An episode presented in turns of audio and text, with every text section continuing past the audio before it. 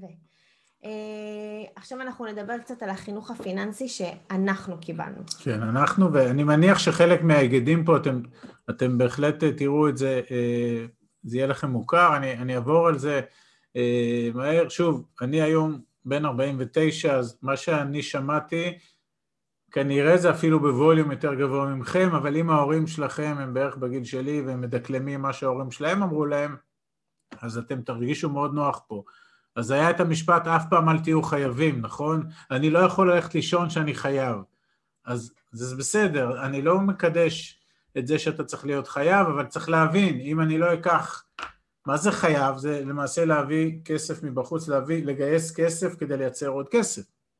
אם אני אקח חובות חכמים, תכף נדבר על זה, אז מהכסף הזה של החוב אני אוכל לצמוח. אין חברה בעולם שנבנית מההון העצמי שלה. למה סטארט-אפים מגייסים כסף? למה נדל"ן מגייס כסף? כולם רוצים עוד כסף כדי להגדיל גם את ההון. אז אם אל תהיו אף פעם חייבים, אז אתם, בהמשך למשפט זה תמיד תישארו עכברים, בסדר? זה ההמשך למשפט. חוב זה דבר רע, זה, זה חוזר לזה, חוב זה דבר רע אם הוא מנוצל לדברים שהם לא מייצרים כסף, בסדר? זה חוב של להחזיר מינוס. מי שנמצא במינוס זה אומר שזה אנשים שצורכים יותר ממה שהם מכניסים, הם לוקחים חוב לסגור בור, אבל אם לא ישנו, לא ישנו התנהלות כלכלית, הבור יעמיק והם יצטרכו לקחת עוד חוב, וחוב יקר. זה קטסטרופה, בסדר? אבל אם יש חוב טוב, וגם עליו נאמר כמה מילים, אז זה מצוין. חשוב ללמוד מקצוע טוב ולמצוא מקום עבודה יציב ובטוח. בגלל זה הלכנו לאקדמיה, ואנחנו לומדים עכשיו כלכלה, ואז נלך ונהיה כלכלנים ב... לא יודע איפה, נגלה שמשלמים לנו מעט מאוד, ונגלה שבגל פיטורים הראשון גם יפטרו אותנו. אבל להורים שלנו, והגר אמרה, כשאנחנו שמנו את עצמנו במערכת הביטחון הישראלית עם קביעות בתפקיד, חבר'ה, הם שמו וי גדול על הקיר, הילדים מסודרים, עכשיו שגר ושכח עד גיל 67, אפשר לנמנם, יהיה פה 40 שנה, לא שומעים מהילדים. זה לא קיים במאה ה-21 יותר, תשכחו מזה, זה חשוב מקום עבודה, אין דבר כזה מקום עבודה יציב ובטוח. אין חיה כזאת, היציב ובטוח זה זה שמחזיק את הידית של המשאית זבל מאחורה. זה יציב ובטוח, זה גם מאוד מסריח, זה צריך לעשות את זה, אבל אני לא מאחל לכם את זה, בסדר? זה היציב ובטוח ב-2021. הכי חשוב לקנות בית, דיברנו על זה בפרק הקודם, לא נרחיב, לגור בשכירות זה לזרוק כל חודש לפח, דיברנו על זה בפרק הקודם, הראינו לכם למה אנחנו לא חושבים ככה. אחרי שנגמור את תשלומי המשכנתה כבר לא יהיו דאגות כלכליות. בולשיט. בסדר? אמרנו גם, 30 שנה נשלם את ה-5,000, 6,000, 7,000 שקל האלה, שילמנו, שילמנו, שילמנו, שילמנו, החזרנו מיליונים לבנק, ואז גמרנו לשלם את המשכנתה, ואז התזרים שלנו יעלה ב-6,000 שקל. האם 6,000 שקל פתר למשפחה בישראל את הבעיות הכלכליות? התשובה היא לא. התשובה היא לא, צריך הרבה יותר כסף, ולכן מי שחושב ש-30 שנה הוא ישתעבד לבנק ופתאום ביום אחד תיגמר המשכנתה והחיים שלו ישתנו ב-180 מעלות, אז הוא טועה. יהיה לו עוד קצת יותר כסף, הוא כנראה גם לא יודע לנהל אותו, ולכן הוא גם יברח לו בין האצבעות, בסדר? כסף לא גדל על העצים, שמעתם את זה? יופי. ממה עושים כסף? מנייר. מה עושים מנייר? מעצים, נכון? זה אחד. שתיים, חקלאי. איפה הוא קוטף את הפרי שלו על העצים, ואז הוא מוכר את הפרי, אז הוא כן עושה כסף מעצים, בסדר? אז לא לדבר את השטויות האלה. ולא מדברים על כסף, זה חזר למה שנאמר פה, כשלא מדברים על כסף, אז, אז לא מדברים על כסף, אז יש בורות, וכשיש בורות, אז אנשים עושים שטויות, וכשאנשים עושים שטויות, שטויות אז אחרי זה זה עולה להם הרבה מאוד כסף. תמיד יש אפילו עוד סיפור ששמעתי על... אה, נכון שאומרים, זה בשבילכם להרצאות, שאומרים שכסף לא גדל על העצים, כן. אז uh, שמעתי את זה בפודקאסט של עמית אשת, שהתארחתם שם, בנראה לי פרק רביעי או חמישי. חמישי. חמישי, אני זוכר. כן. אז uh, באחד הפרקים הוא אמר שכסף דווקא כן גדל על העצים, כי אפשר להשקיע בחוות של עצים לכריתה. זאת אומרת, אתם קונים לנו, חלקה. יש לנו גם השקעה, יש לנו גם שחקן שעושה את זה, מגדלים, אם פתחת זה נקרא עצי תיק, זה עצים שמגדלים בכמה מקומות בעולם, וזה גם ירוק וגם טוב, וגם, אבל בסדר, זה אתה צודק. יפה. אתה ממש... מחזק. כן, מצטיין. לגבי זה, יש חוב טוב וחוב רע, אז דיברנו על זה, חוב טוב זה החוב, כמו שהגר אמרה, לקחנו את ה-200 אלף שקל בחוב, בריבית סבירה, השקענו את זה חכם, ומהחוב הטוב עשינו במקום 252, 321 אלף. אז זה טוב או רע החוב הזה? הוא מצוין, בסדר? חוב רע זה מה שאמרתי, התנהלתי גרוע כלכלית, נכנסתי למינוס, הבנק התחיל להתקשר והציע לי גם הלוואה בכמה אחוזי ריבית, 12, 15, 18, בואו נקרא להם את הצורה. אין לי ברירה, אני לוקח את ההלוואה, החור שלי מעמיק. זה החוב רע, זה חוב גרוע, בסדר? אז כל מי שגדל בחינוך קומוניסטי כזה או אחר, ברור שיתרחק מחוב כי אי אפשר להיות חייב במקומות האלה, בסדר? זה מאוד זה. לא מתעשרים משכורות בלבד, אמרנו, אנחנו צריכים לייצר הכנסות שלא קשורות במשכורת, כי משכורת יכולה גם יום אחד להיפסק. אולי יהיה סיני שיאכל הטלף ויביא וירוס, אולי יפטרו אותנו, אולי נרגיש רע, אולי יישבר לנו ללכת לעבודה. המשכורת הזאת שאנחנו כורכים את עצמנו במשכורת, אנחנו שמים תקרות זכוכית.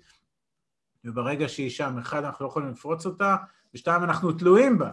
ואם אנחנו תלויים בה, אז זה כבר מסדר לנו את כל החיים, סידר לנו את כל החיים, אז מה שאמרנו, אנחנו לא שולטים בזמן שלנו, מישהו מנהל לנו את החיים, אנחנו לא רוצים את זה, ואנחנו חייבים להשקיע את הכסף, כי האינפלציה, אמנם בשנים האחרונות היא מאוד מאוד נמוכה, אבל עדיין האינפלציה שוחקת לנו את הכספים, וזה דברים שסיפרו לנו שהיינו קטנים.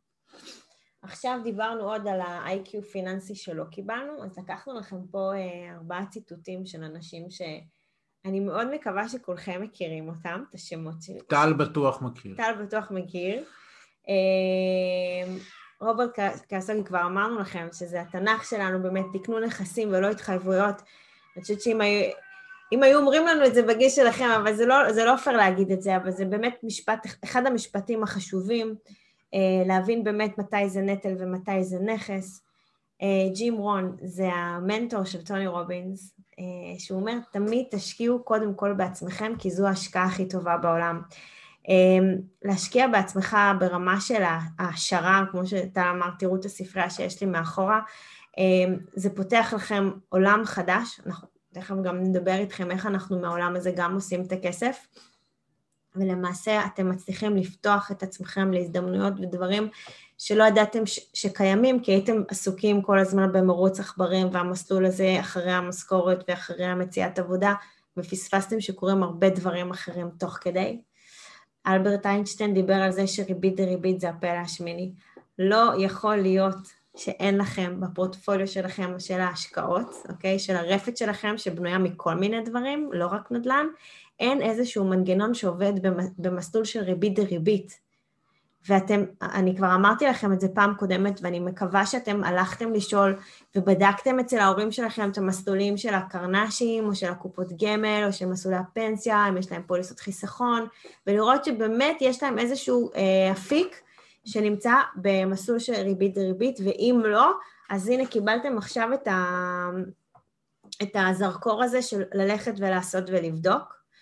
אה, וורן באפט, האיש והאגדה, אה, אנחנו אומרים את זה הרבה, יש לנו תמונה שלו בחדר שנה, זו בערך התמונה היחידה שיש לנו, כן. לא, בערך. נכון, זו התמונה היחידה. אה, התמונה שיש לנו בחדר אומרת משהו אחר, אבל כאן הוא אומר, אה, אל תחסכו את מה שנשאר לכם אחרי הבזבוזים, אלא תבזבזו את מה שנשאר לכם אחרי שתשקיעו. אוקיי? שזה זה, זה משפט מטורף, כי לפעמים אתה מסתכל, אתה אומר, טוב, מה התקציב שלי החודש לבזבוזים? אבל לא, זה לא עובד ככה, הפוך. אתה קודם צריך להשקיע, אתה צריך לייצר כסף. השלושת אלפים שקל שדיברנו קודם, הם קודם ההשקעה, אחרי זה יישאר עוד 200 שקל, נקנה שווארמה, בסדר? אבל לא נקנה עכשיו שווארמות ואז לא יהיה לנו 3,000 שאיתם לקחנו את ה-200 אלף. זה כל השינוי.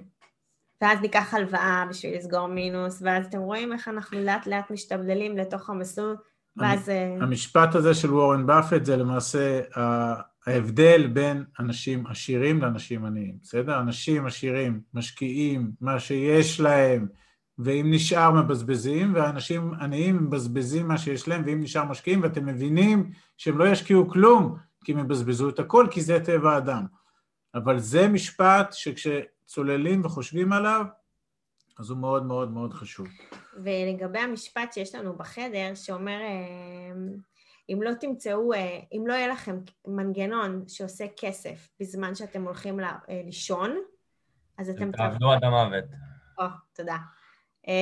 זה, זה, זה משפט, תבינו, אנחנו רואים אותו כל יום. זה לא מסוג הדברים שאנחנו כבר לא רואים. כשאנחנו יוצאים לדרך זה משהו שכל הזמן רץ לנו בראש. אנחנו מבינים שאנחנו חייבים לעצום את העיניים והכסף ממשיך, ממשיך לעבוד, אוקיי? בסדר. אה, אז זה כאמור ההיגדים ש... מה המשפט שאמרת? אם לא תמצאי דרך לעשות כסף בזמן שאת ישנה, יעל, אז את תעבדי עד יומך האחרון, בסדר? את צריכה להגיע למצב שאת ישנה ומשהו סביבך עושה כסף בשבילך, בסדר? ואז יהיה לך אינטרס לישון מלא. לישון בכיף. יאללה, אז זה ההיגדים האחרונים, זה ה-IQ הפיננסי שאנחנו לא קיבלנו. אנחנו מאוד אוהבים את ההורים שלנו, והם באמת מושלמים והכול.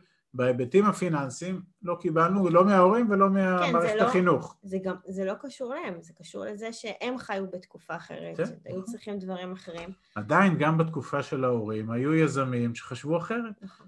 נכון. אה, עכשיו, דרך אגב, השמות האלה שאמרנו קודם, אני אראה את זה שוב פעם, יש לנו ביוטיוב שלנו, אני חושבת שכבר אמרתי את זה, אבל אני אומר עוד פעם, יש לנו ספריית שמע, ששם זה כל התכנים שלנו שאנחנו שמענו, שעזרו לנו לשנות את ה mindset ולפרוץ את הדרך, אז אתם, אתם מוזמנים, אני אשים עוד מעט קישור גם.